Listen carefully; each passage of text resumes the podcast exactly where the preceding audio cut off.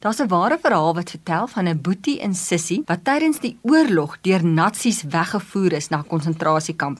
Op pad na die konsentrasiekamp toe, het die kinders nog nie lekker besef wat besig was om te gebeur nie. En die ouer sussie het soos 'n ware ou sis met haar boetie geraas omdat hy sy skoene verloor het. Later is die boetie en sussie van mekaar geskei en die boetie het gesterf. Toe dinge teruggekeer het na normaal het hierdie sussie 'n boek geskryf en mense begin beywer om te let op dit wat hulle sê, want dit kan dalk wees hoe mense hulle onthou. Dit kan dalk hulle laaste woorde aan iemand wees. Haar laaste woorde aan haar boetie was kwaai woorde omdat hy sy skoene verloor het. Sy wou mense help en hulle herinner daaraan dat mens moet versigtig wees wat jy vir ander mense sê. Hierdie storie het my hart geraak en my laat nadink oor my woorde en my optrede. Sou ek dit wat ek vandag kwyt geraak het, wou laat staan as my laaste woorde? Sou ek wou hê dit is hoe mense my moet onthou? Hoe ons met mense praat, het 'n impak op hulle lewe. Dit kan hulle opbou of dit kan hulle afbreek. Dink voordat jy praat. Navorsing wat by die Universiteit van Washington gedoen was, Hulle het duisende huwelikspaartjies se huwelike ondersoek en na dit gekyk en hulle het agtergekom dat die grootste rede waarom mense skei ongesonde kommunikasie was. Mense wat mekaar die heeltyd kritiseer, paartjies wat mekaar die heeltyd afbreek en geen waardering toon nie. Hulle huwelike het nie gehou nie.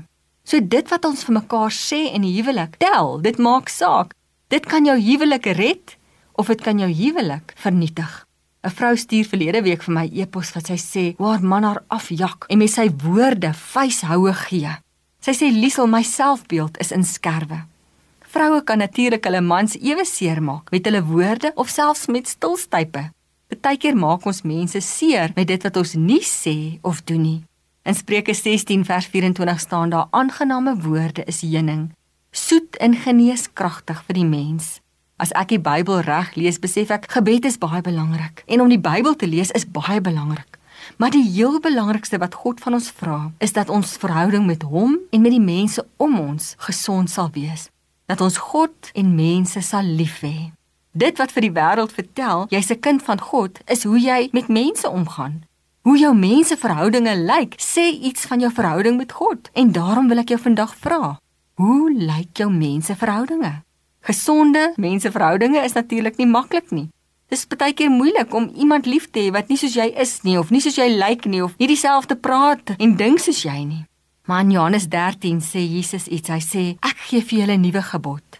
Soos ek julle liefhet, moet julle mekaar lief hê. As julle mekaar liefhet, sal almal weet dat julle my disippels is." Mense vra vir my: "Hoe groei ek geestelik? Hoe raak ek 'n beter volgeling van God?" Hierso in Jesus se woorde self staan daar: Wanneer julle mekaar liefhet, sal mense weet julle is my volgelinge.